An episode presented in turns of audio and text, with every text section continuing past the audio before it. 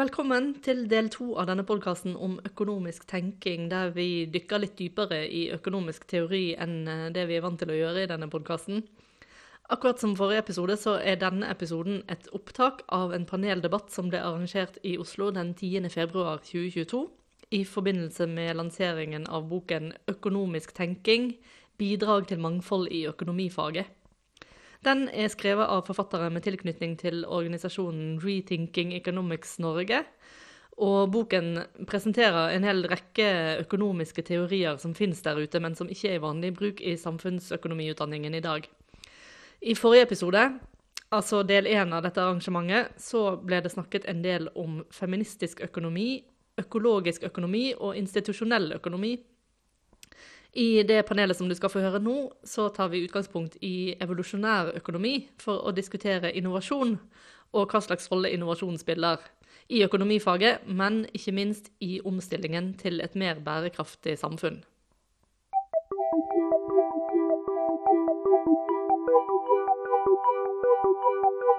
There is no alternative. There is no alternative. There is no alternative.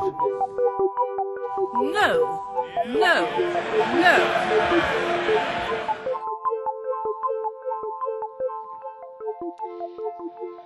Ok, da er vi også klare. Velkommen til eh, panel nummer to i eh, kveld. Vi har jo lyst til også å gratulere Rethinking Economics med bok, og takke for at vi fra podkasten Alternativ økonomi får lov til å være med på feiringen her i kveld.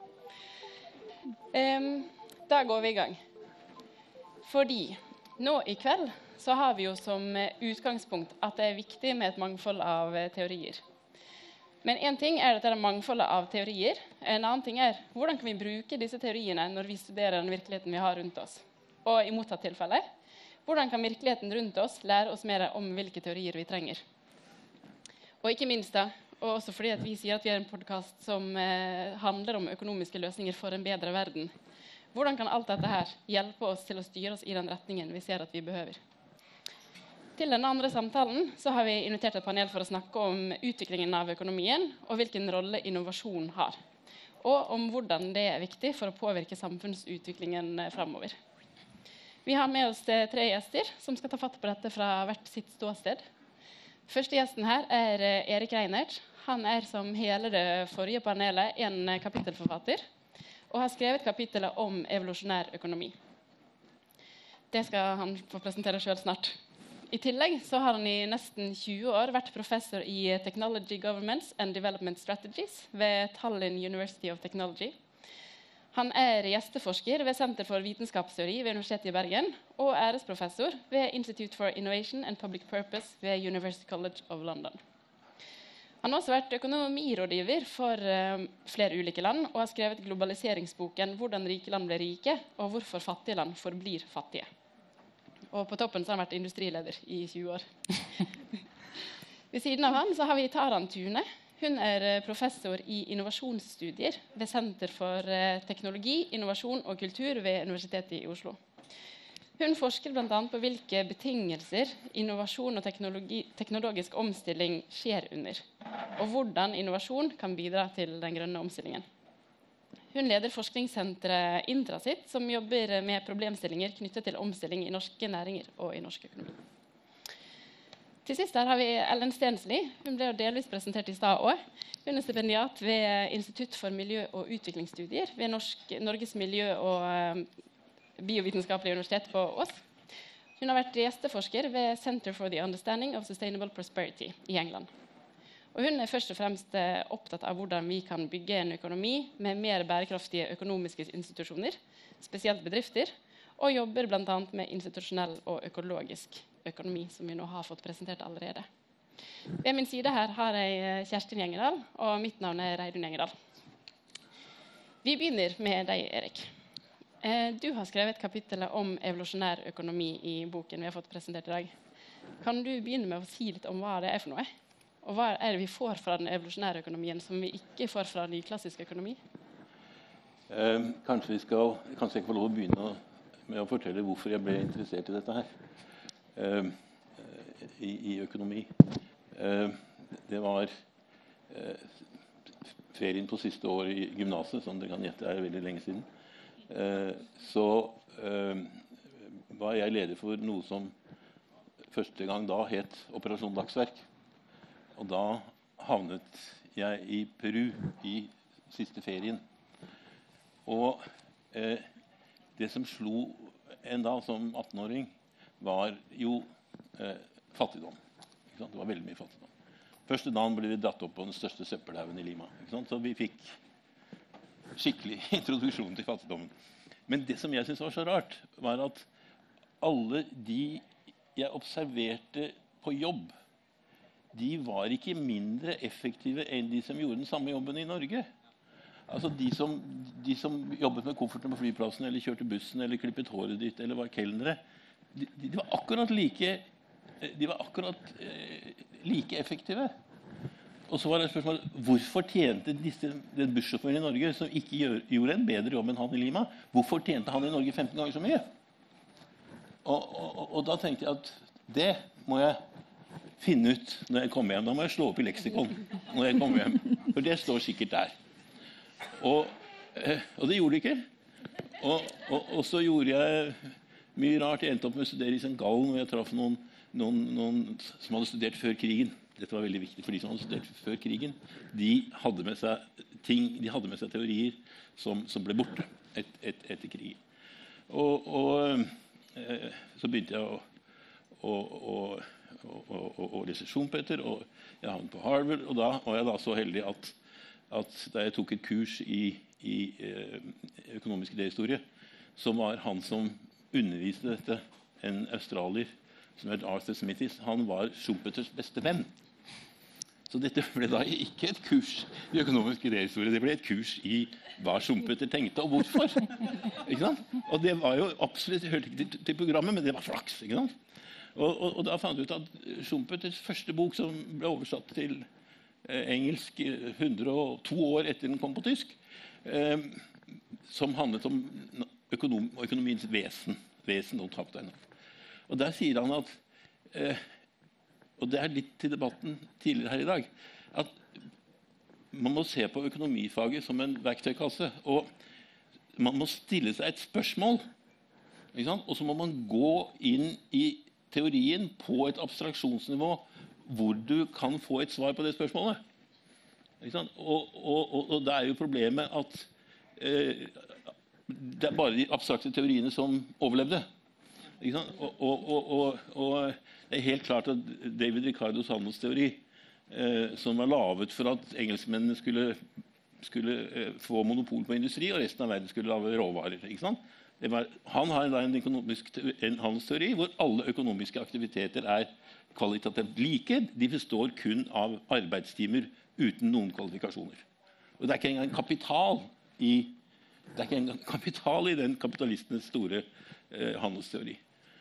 Og, og, og da, da, ser man jo egentlig at her er jo, her er jo eh, konklusjonen allerede bygget inn i forutsetningen i teorien. Så denne teorien er altfor abstrakt til å kunne brukes.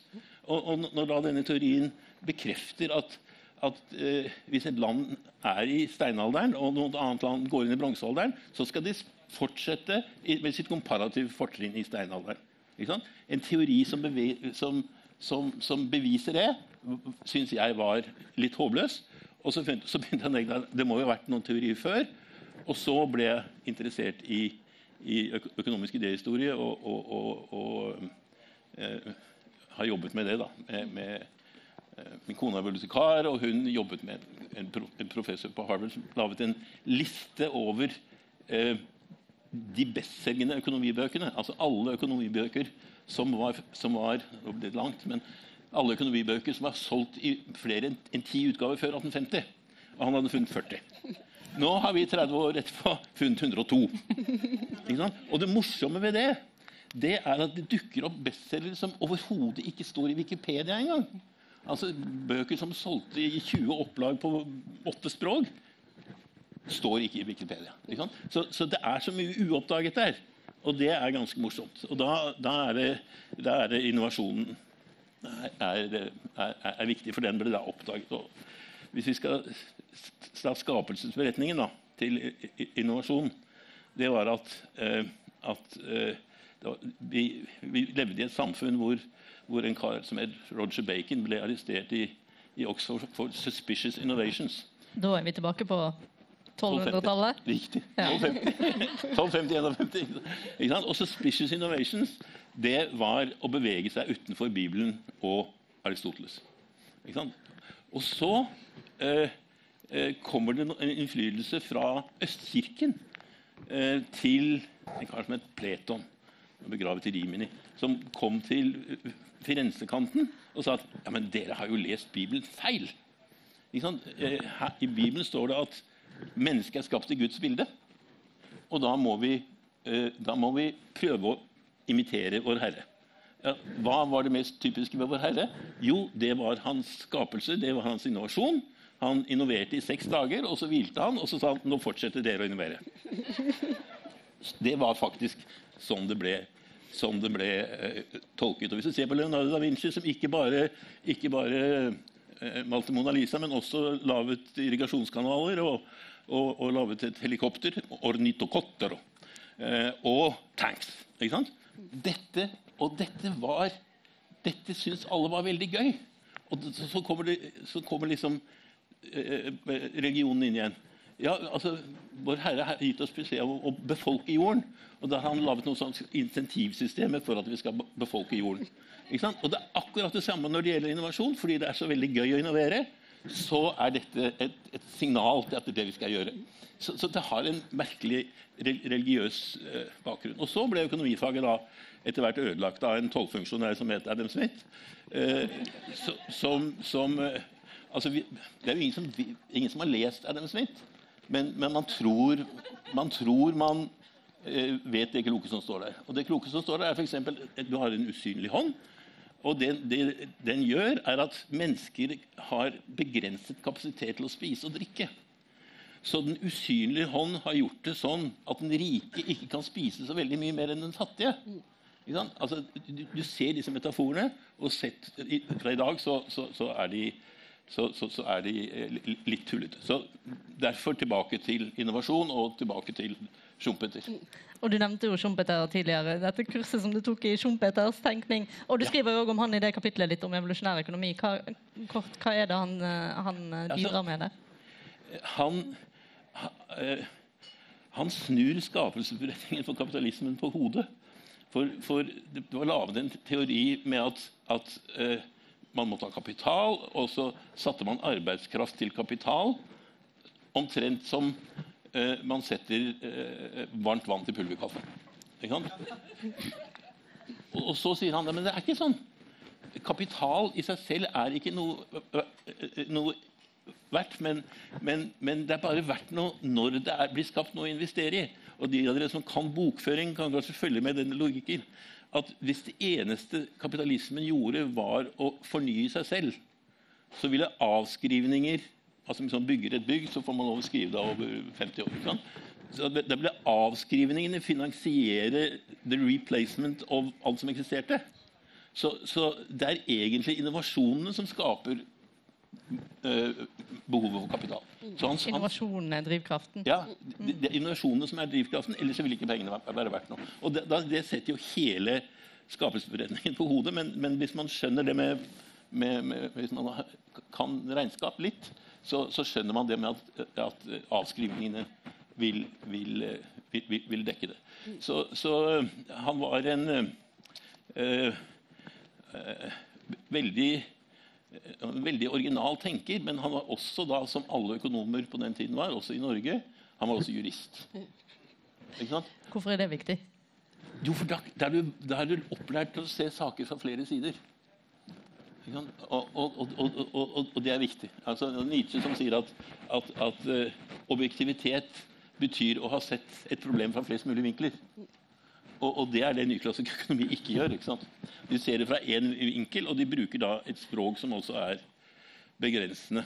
Altså, jeg har jobbet som Jeg tror vi skal ja, ja. ja, gå videre og få høre litt om innovasjonen i dag òg.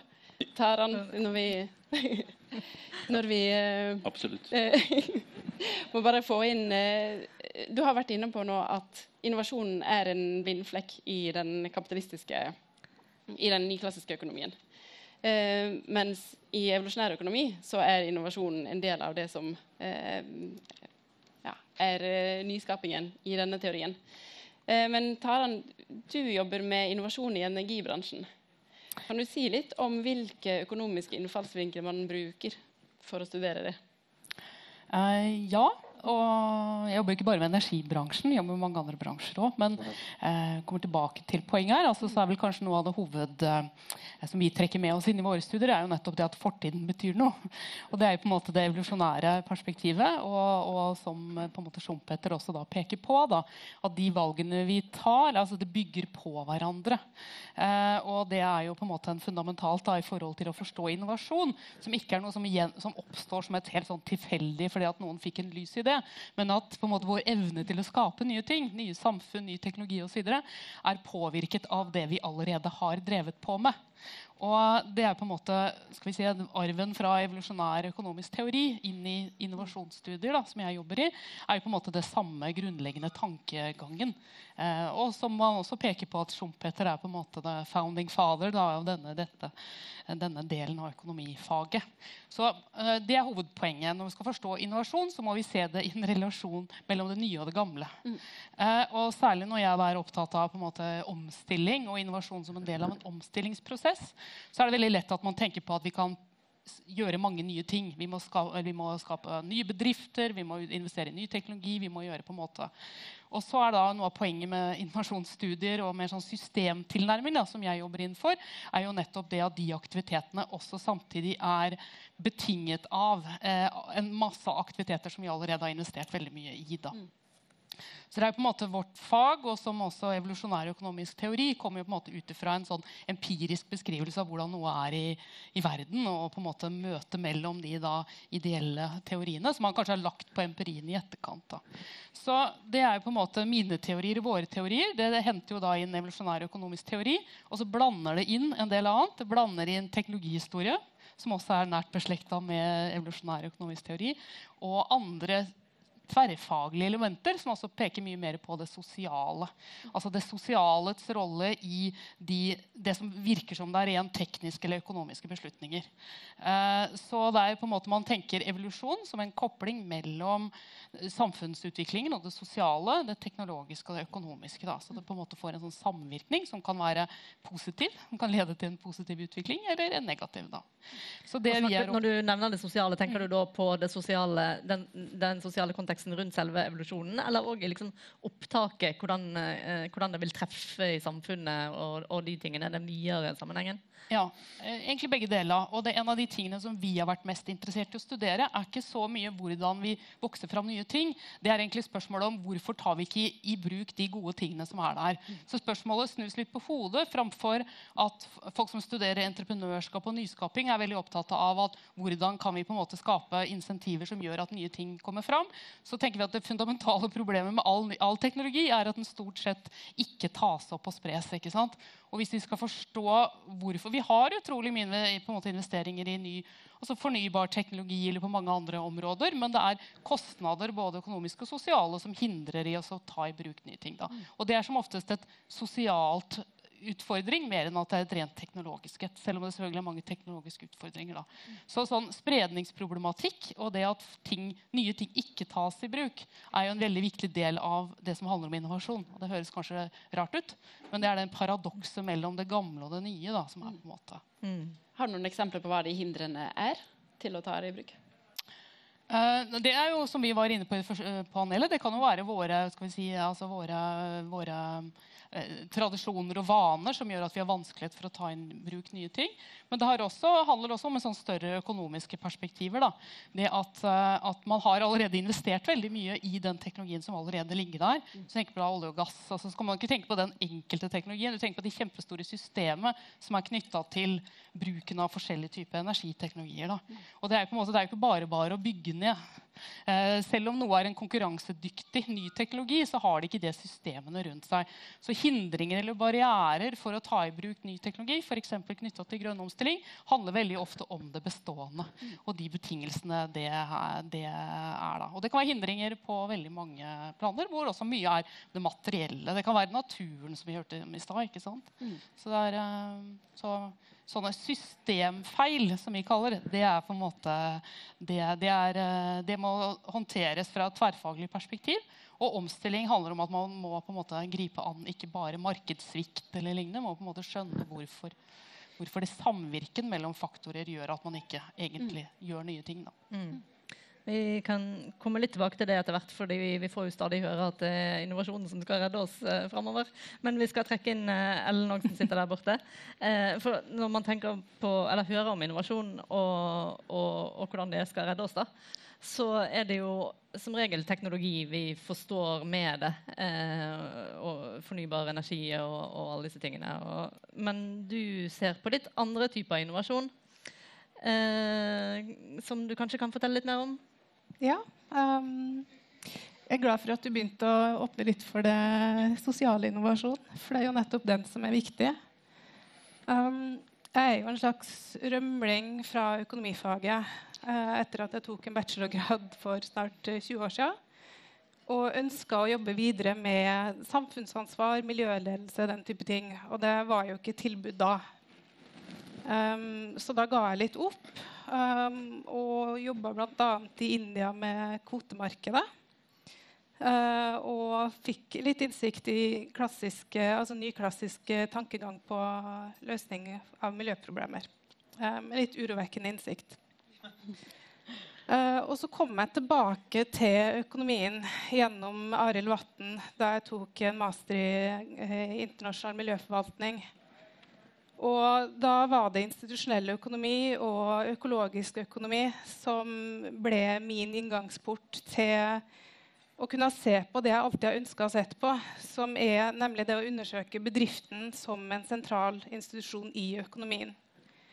For den er så grunnleggende for alt vi gjør. Hvordan vi produserer, hvordan vi jobber, eh, hvordan vi forbruker ressurser. Vi, altså, det er en så kjerneinstitusjon i økonomien. Og det min tanke var da, er at hvis vi endrer den, så endrer vi så utrolig mye. Så der må vi starte i forhold til miljø, tenkte jeg, og begynte etter hvert på en doktorgrad om det. Uh, og da hadde jeg lyst til å se på grønne entreprenører som valgte å organisere seg litt annerledes ved å sette miljøet først. De var bedrifter, men de satt miljøet overalt. Og det fant jeg ikke så mange av i Norge den gang. Um, jeg er litt på overtid, så det er noen par år siden. får vi si. Uh, og da dro jeg rett og slett til England. fordi I England så har de noe som heter Social Enterprise. og Det er nært beslekta med sosialt entreprenørskap. uh, som kanskje en del har litt forhold til her. da. Og det er jo de her entreprenørene som ikke bare ville tjene penger. Og nå er det jo ikke så enkelt at alle bedrifter er bare ute etter å tjene penger. Alle entreprenører skal bli rike. Det er jo ikke sånn verden fungerer, og det er jo ikke sånn vi kjenner de fleste bedriftene rundt oss. Men det er jo sånn nyklassisk tenkning rundt hva en bedrift skal være, er. Um, og det, er, det som er interessant med sosialt, uh, altså sosiale foretak, eller social enterprise, det er jo at de eksisterer på en måte i midten. De, de kalles hybride bedrifter eller hybride organisasjoner. Så de har på en måte tatt fra humanitær sektor eller tredje sektor den der tankegangen om at uh, vi er idealistiske, vi skal drive til samfunnets beste som man også kjenner fra kooperativtradisjon og samvirke osv. Uh, og tatt fra da, den tradisjonelle bedriftsverdenen, der vi skal, vi skal, fungere som en bedrift, vi skal operere i markeder, men vi skal maksimere på andre verdier. Vi skal maksimere sosial, miljømessig nytteverdi, og så skal vi reinvestere det vi tjener av finansiell nytte, inn i det. Um, og det er jo veldig spennende å snakke med de her entreprenørene. De er jo opplagt idealistisk drevet, men de møter jo veldig mange hindringer i det systemet som um, omfavner dem, eller som omringer dem. Fordi de er jo strukturert på en annen måte. De har jo helt andre logikker. De ønsker jo å gjøre noe bra, og så er det kjempevanskelig, for det tjener man ikke penger på. Um, så det jeg er opptatt av, er jo Når var det vi fikk de her ideene om at bedrifter skal uten videre ha tilgang til gjennom markedet, som for øvrig er helt elendig på å prioritere og distribuere miljøressurser, som er å bli mer og mer knapp. Um, så nå er vi i en situasjon da, hvor vi allerede Det er vel to av tre økosystemer som sliter. Uh, utregningene på hvilke behov vi har for helt grunnleggende ressurser, viser at de skal doble i løpet av få år. To tredjedeler av verdenshavene er i en elendig situasjon.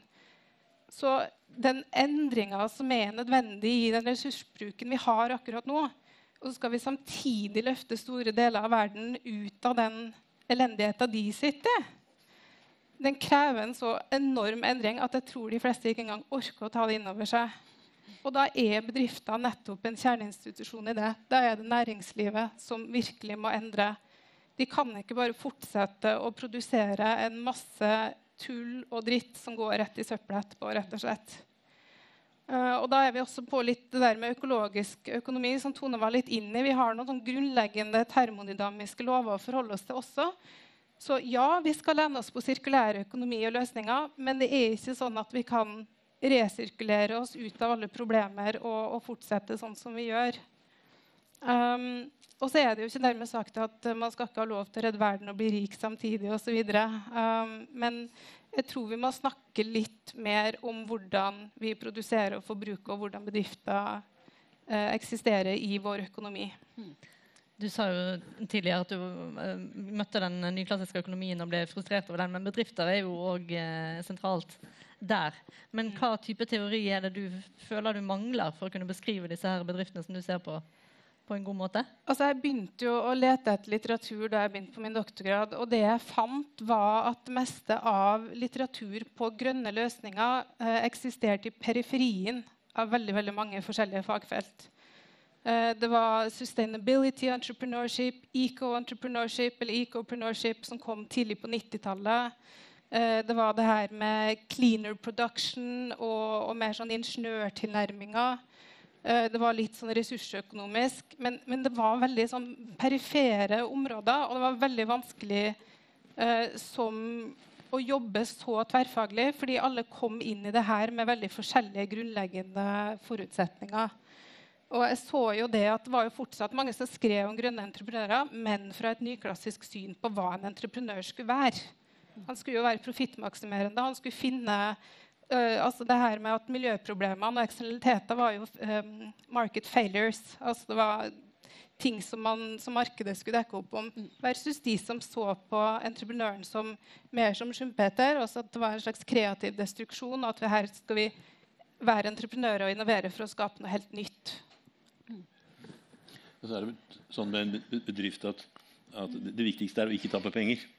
Ja. så, så, så, lenge man er på et stadium man ikke taper penger, så har man råd til å være idealistisk. Og, og, og, men, men, men, det er liksom det er grunnsålen. Så jeg tror mange kan, det er mange som kan ha det sånn at de, de, de bare, bare, man kommer over terskelen at, man, at ikke eksistensen er truet, så, så har man jo mye større mulighet for å, for å øh, maksimalisere noe helt annet. Og det passer jo ikke i ny klassisk teori. Mm. Taran, hadde du noe å legge til der? Uh, nei, det var litt i forlengelse av poenget med, med dette med for, altså, jeg på en måte er kanskje litt mer sånn kri kritisk til Jeg tenker at det er, det er, veldig vanskelig å få til substansielle endringer. Og jeg tenker at sånne, sånne selskaper som du beskriver, er, er, utrolig viktig som kanskje en sånn type i en normativ funksjon. altså De på en måte signaliserer noen verdier. Da. Men, men jeg, jeg, tror også det er ganske mye som tilsier at på en måte den type selskaper kanskje har en mindre betydning for en mer substansiell omstilling da, mot det grønne. Og, og, jeg tenker også for å hekte litt på det du sa, da, altså at vi ser jo også at det er, Hvis du ser empirisk på det, så ser du at sånne initiativer, f.eks. Mm. grønne aktiviteter i etablerte bedrifter, har en tendens til nettopp å utnytte det hvis det er eh, tilgjengelige offentlige ressurser, eller at det er på en måte et, ja, er et labert marked, så har de en tendens til å investere i den type aktiviteter, mens de forlater det igjen i, i på en måte tider hvor det, sitt kjernemarked er. Så det er jo noe med det å på en måte sette sin lid også til etablerte økonomiske er jo også ja, jeg er ikke helt sikker på at de er de som kommer til å ta oss. Liksom. De er toget som går inn i den grønne framtiden. Altså. Hvis vi har den grønne framtiden som utgangspunkt, så kommer vi på en måte ikke bort fra å, å tenke at uh, innovasjoner uh, må uh, tjene en hensikt. Em, mens i den, eh, en av innsiktene fra den evolusjonære økonomien var at ja, innovasjoner driver økonomien, men eh, det er ikke noen sånn overordnet plan med det. De sammenligner, du sammenligner det litt i kapitlet ditt med, med mutasjoner i biologien. De, de skjer hele tiden, eh, men de styres ikke. Det er ikke, det er ikke noen, noen, sluttpunkt, på en måte. Stemmer det? Det stemmer, det er veldig, det hele er veldig usikkert. Altså, eh, da de første mikrochipsene kom, så lurer de på hva skal vi bruke dette her til. da? Høreapparater! Her trenger vi bitte små ting. Dette er en ideell teknologi for høreapparater. Og så kanskje man da bommer til å begynne med, og, og, og, og, det viser seg at det kan brukes noe helt annet. Så, så det er enorm usikkerhet.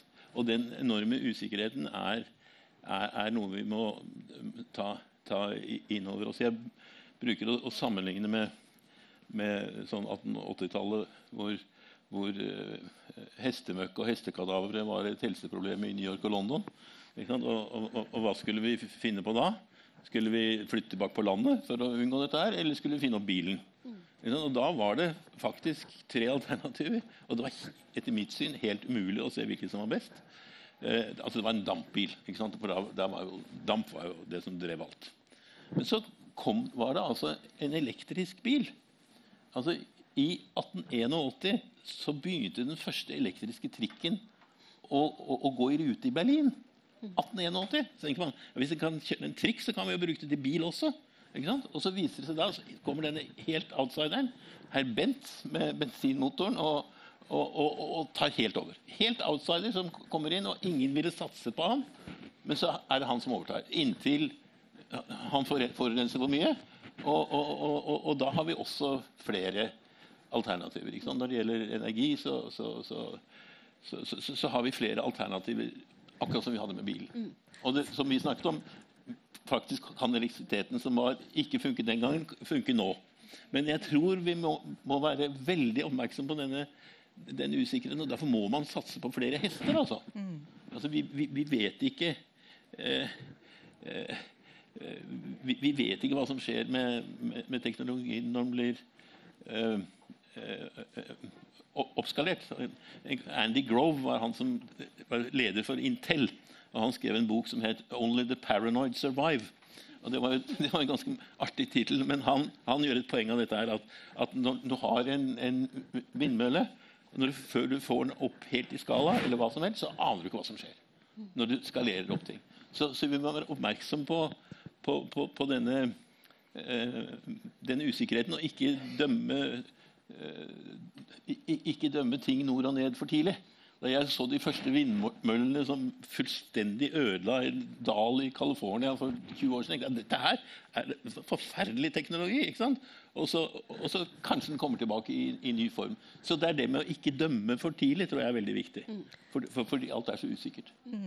Men samtidig så er jo dette her med retning på innovasjonen eh, Det er jo en ganske stor eh, debatt eh, for tiden. Mange har kanskje hørt om eh, Mariana Mazzucato, som er en engelsk økonom som har introdusert dette her med store samfunnsoppdrag. At man skal sette alt inn på å løse det, eh, uten at man nødvendigvis velger på hva måte det skal løses. Men man setter oppdraget ut dit, og så får de som har de beste innovasjonene som kan svare på det, eh, vinne. på en måte.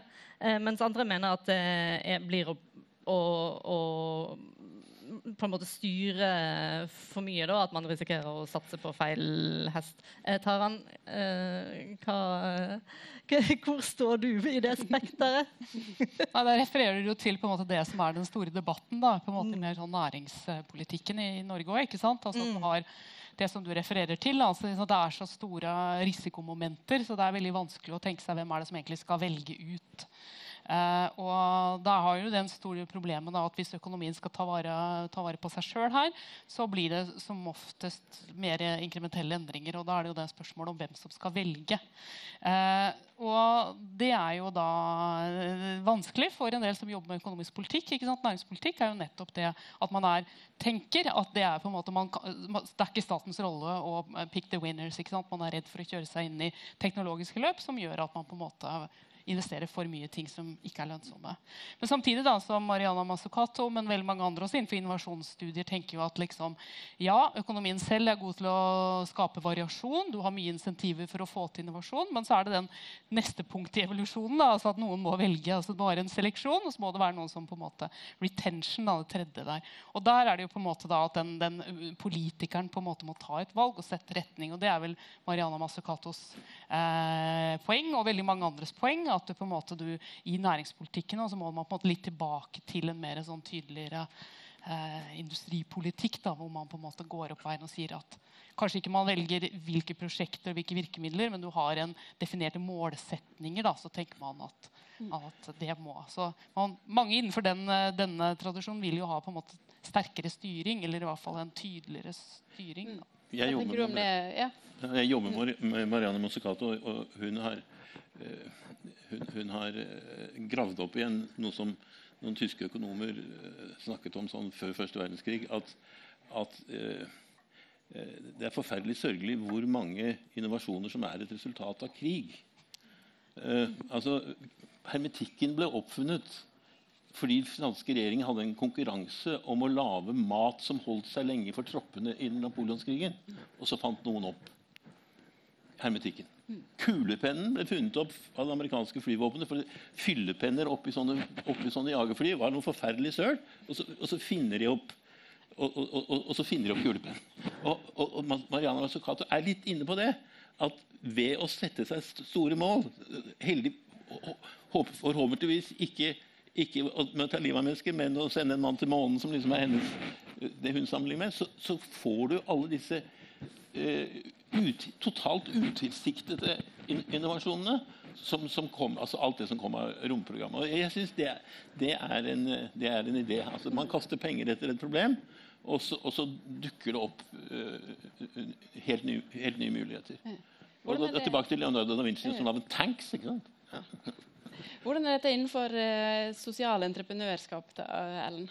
Er det målrettet innovasjon der som gjelder? eller? Veldig det er i Det man ser i England, er at uh, social enterprise-sektoren utkonkurrerer eh, SMI-sektoren, altså small medium enterprise-sektoren, på både innovasjonsrate og omsetningsøkning og vekst. Uh, så det man ser, og det ser man også i andre deler av verden, er at en ny, spesielt ung generasjon av entreprenører kommer inn med et helt annet tankesett rundt hva en bedrift skal være, og hva en bedrift skal løse i et samfunn. Uh, og bygger i mye større grad inn denne type sosiale og miljømessige hensyn som jeg snakka litt om i, i, selve grunnmodellen. Og så er det kommersielle i varierende grad. Men det veldig mange av de har til felles, er at de nettopp bruker helt ny teknologi og er veldig innovative. Og er også opptatt av det her med spredning av allerede eksisterende løsninger. For vi vet jo veldig veldig stor grad Vi har masse løsninger til hvordan vi skal løse miljøkrisa. Men det skjer jo ingenting. Um, og jeg tror Du var så vidt inn på næringspolitikken. og jeg tenker Den er jo fortsatt veldig prega av teknologioptimisme. Uh, og den der nyklassiske ideen om at vi har naturkapital som kan erstattes av sosial og, og annen kapital. Um, men vi har på en måte nådd et grensepunkt der, da, tenker jeg, for hvor langt vi har kunnet gjort en substitusjon. Så det, den teknologiske innovasjonen som skjer nå, den må, den må ha også noen form for føring. Og da tenker jeg i form av hvordan den tilnærmer seg økolo økologiske problemer. Altså natur. Um, og det jeg ser på, på som den største hindringa for både spredning av gode løsninger og teknologi, er et massivt kunnskapsgap. Mm. Uh, og det går uh, nei, både hos politikere, næringslivsledere, økonomer og ingeniører. De som designer produkter osv.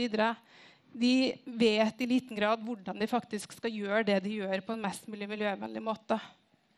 Um, og litt som Arild Vatn var inne på, det der med bærekraftshuset. Uh, jeg tenker at alle løsninger, alle nye løsninger som vi kommer med nå, må ha bærekraft helt integrert. Altså Det må ligge til grunn for alt som skjer. Fordi vi, vi kan ikke vi kan ikke fortsette å være så hodeløse. Det er litt som at det økonomiske grunnlaget har måttet ha vært der i alt så lenge, så må også det økologiske være der. Og det som ligger bakom her, er jo at vi har ganske dårlig tid, faktisk. Ja. Eh, Arild Vatn nevnte tidligere at eh, hvis vi bare klarer oss fram til 2050, så er alt løst da. Det er liksom perspektivet. Men her, her eh, i vår del av verden så snakker vi vel faktisk om 2030, for det skal òg være sånn differensiering her. Eh, utviklingsland må ha bedre tid på seg enn vi eh, teoretisk trenger. Um, hvis vi går litt tilbake til, eh, til dine studier av eh, spredning av teknologi og omstilling i energibransjen. Eksempel. Har du noen eh, sånn eksempler på eh, hvordan kan vi bruke det vi vet om hvordan eh, innovasjon foregår, til å forsere denne utviklingen og få den til å gå kjappere? Ja. Eh, jeg kunne ønske jeg hadde masse gode eksempler. men, men i hvert fall, altså, det er jo på en måte noe av det som er utfordringer akkurat nå. Da. For I utgangspunktet så, så vet vi at teknologisk utvikling er noe som tar veldig lang tid. Eh, og det særlig det både utvikling, men også det spredning av nye løsninger. Og en utfordring akkurat nå er at den tiden har vi jo ikke. Så der, vi må på en måte ta en prosess som vi vet er eh, sen og inkrementell, og på en måte prøve å speede det opp. da. Og Det er jo eh, vanskelig, og det krever jo på en måte andre typer virkemidler. da. Og da er det på en måte Noe av poenget kanskje er å lete etter en sånn type tipping points. altså Hvor er det man kan gå inn og på en måte gjøre noe som får en konkret betydning.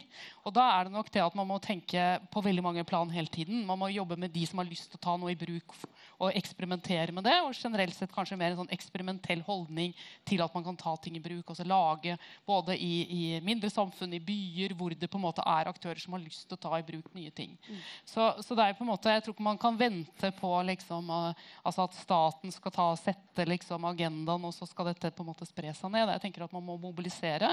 Og jeg ser, Vi ser særlig mye i, i enkeltbransjer, enkeltbedrifter, men også særlig i byer eller bymiljøer, en stor vilje til å på en måte ta i bruk nye ting. Da. Så du må på en måte jobbe med med Hvem er det da, i, når du snakker om bymiljøer? Altså, er det, hva, hva liksom, økosystemer snakker vi om da? Nei, det, det kan jo være i enkelte forhold til at man skal løse et eller annet konkret eh, behov i forhold til om det er transport eller om det er Det kan være mange typer ting. da.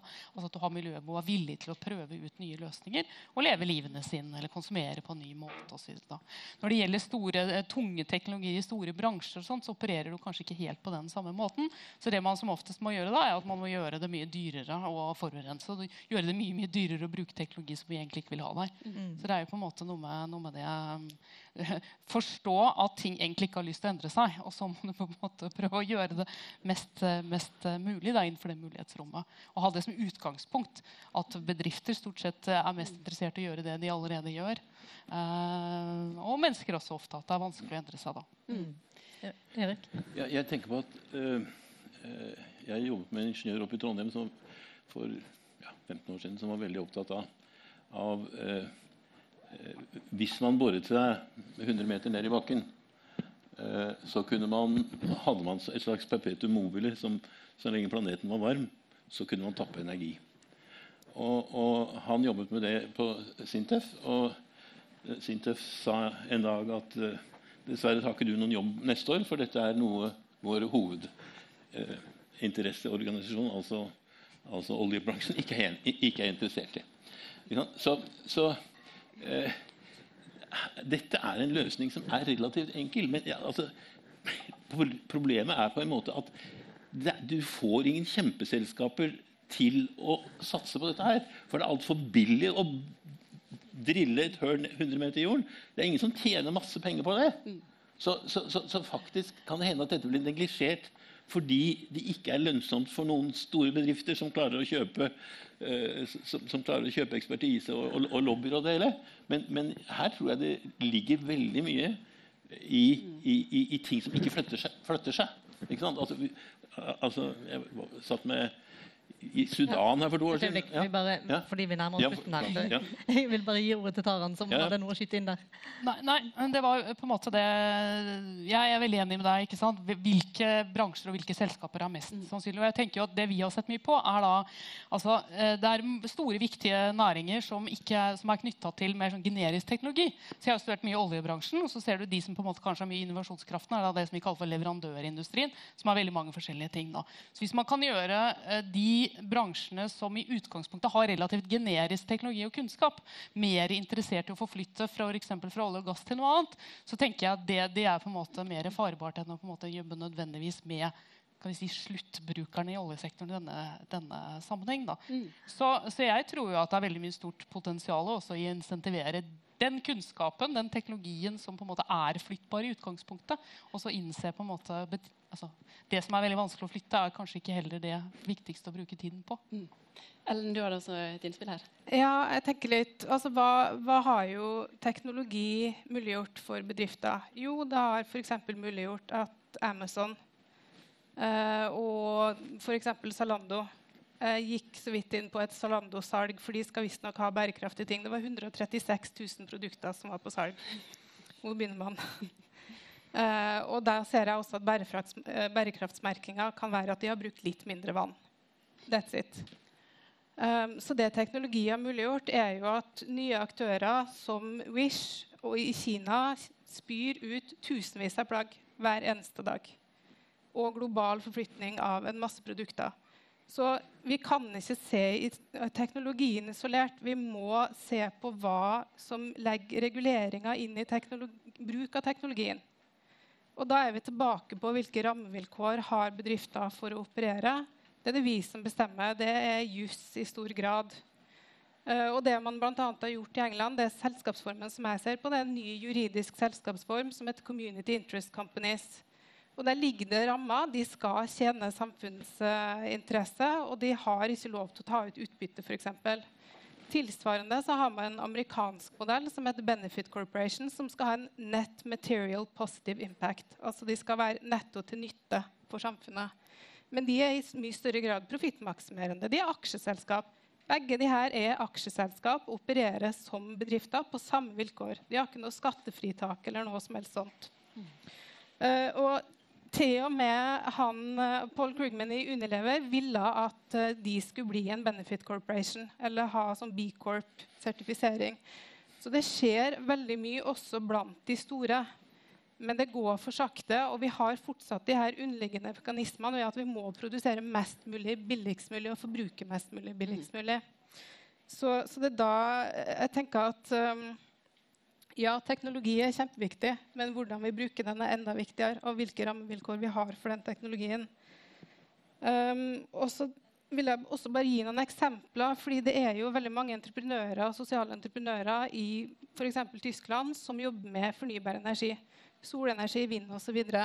Og der skjer det en slags stille revolusjon på eh, lokalbasert not for profit. Og vi har jo også fått vårt første not for profit strømselskap i Norge, mot kraft, som en slags protest mot de her store profittmaksimerende aktørene. Så jeg, jeg tenker det her er litt sånn Den interessen jeg ser for dette fenomenet, det er veldig mye de som er minus meg i alder. Uh, og jeg merker meg at i det publikummet her i dag, det er mange som er en del eldre enn meg, og så mange en del yngre enn meg.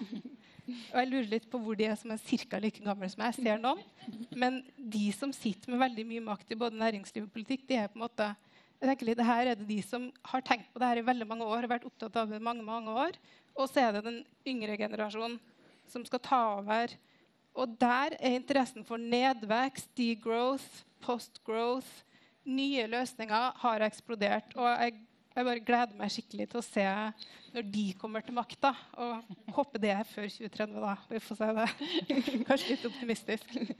Bra, og det er en veldig bra avslutning. Vi, nå, eh, vi skal nå gi oss. Jeg har lyst til å gi dere mulighet til å svare med én setning på om Tenker dere at innovasjon og evolusjonær økonomi er det rette verktøyet for å svare på alle krisene vi har i dag?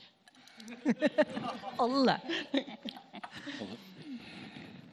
Ja, hvis jeg skal begynne igjen, så er jeg fremdeles der jeg var da jeg var 18 i Peru. Hvorfor er det, hvorfor er det så mange barn som dør underernært? Ikke sant? Jeg tror ikke på Bill Gates løser det ved alle vaksinene sine. Eh, jeg tror vi, vi, vi gjør det som vi, vi, må bygge industri, men det kan da være en ren industri. Så, så vi, vi, må, vi må rett og slett slutte å tolerere at at, at så mange millioner mennesker eh, så mange hundre millioner mennesker dør av sult. Og, det, og der har vi altså nyklassisk økonomi som forlanger frihandel. Eh, og, og, og det, vi, det, det, vi, jo ser, er eh, at eh, de land som prøver å være demokratiske, sånn som Ukraina og, Georgia, de eh, mister industrien og blir Det er ingen som snakker om hvor mye fattigere Ukraina er blitt.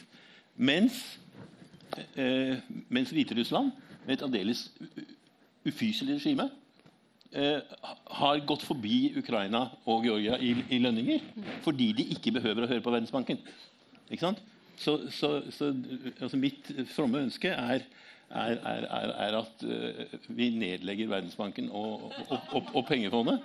Så, og så, begynner vi å gjøre det vi gjorde med Marshallhjelpen etter, etter, annen, etter annen verdenskrig. At vi, at vi, bygger opp industri. Vi hadde en praktisk eh, teori som virket. Og, og, og, da vi hadde bygget opp eh, industrien i, i, i, Vesten, så hoppet vi over på en teori hvor industri ikke betyr noe. Så jeg mener den, den, nyklassiske teorien har jeg skal ikke være for dramatisk, men den, den, tar, mange, den tar, liv. Altså. Og, og det, det, det mislikte jeg i 1968, og jeg misliker det fremdeles. Jeg tar den. Svaret må jo åpenbart være nei. Men, eh, men eh, jeg tenker jo også at like jeg liker det du sier, at man, trenger, man, trenger, teori som skal på en måte fungere der ute. Og det er store samfunnsutfordringer. Og jeg tenker jo at, at man trenger tverrfaglige tilnærminger. Og så tenker jeg også at økonomer kanskje kan slutte å bare diskutere en nyklassisk økonomi og tenke at på en måte vi må i fellesskap, samfunnsvitere, naturvitere, teknologer, på en måte løse mm. problemer. da. Så nei. Kjempefint. Hva med deg, Ellen? Um, jeg får mer enn én setning. Så. Rettferdighet. Nei da. Um, jeg tenker at det jeg er mest opptatt av, det er at økonomene tar inn over seg det som skjer i andre fag. Fordi det skjer så mye spennende på uh, materiell metabolisme. Altså ikke bare vårt personlige stoffskifte, men samfunnets stoffskifte i forhold til naturressurser og energi. Uh, og at de begynner å ta inn over seg og integrere det her med dynamikken i økologien inn i økonomien. Og det er jo i det tverrfaglige at det spennende skjer. Mm. Uh, og det er der det er potensialet fremover. Og økonomene kan ikke lenger sitte med modellene sine og, og regne og utelukke alle de andre faktorene som er så grunnleggende. Og med det behovet så er det i hvert fall klart at vi også har behov for den boken som slippes i dag. da. Med et Veldig flott bok og viktig bok. Eh, tusen takk skal dere ha. Ellen, Taran og Erik. Vær med og gi dem en stor takk.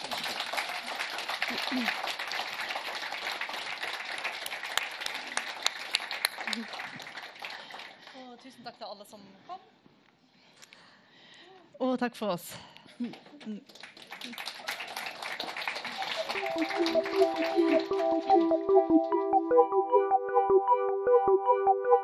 There is no alternative.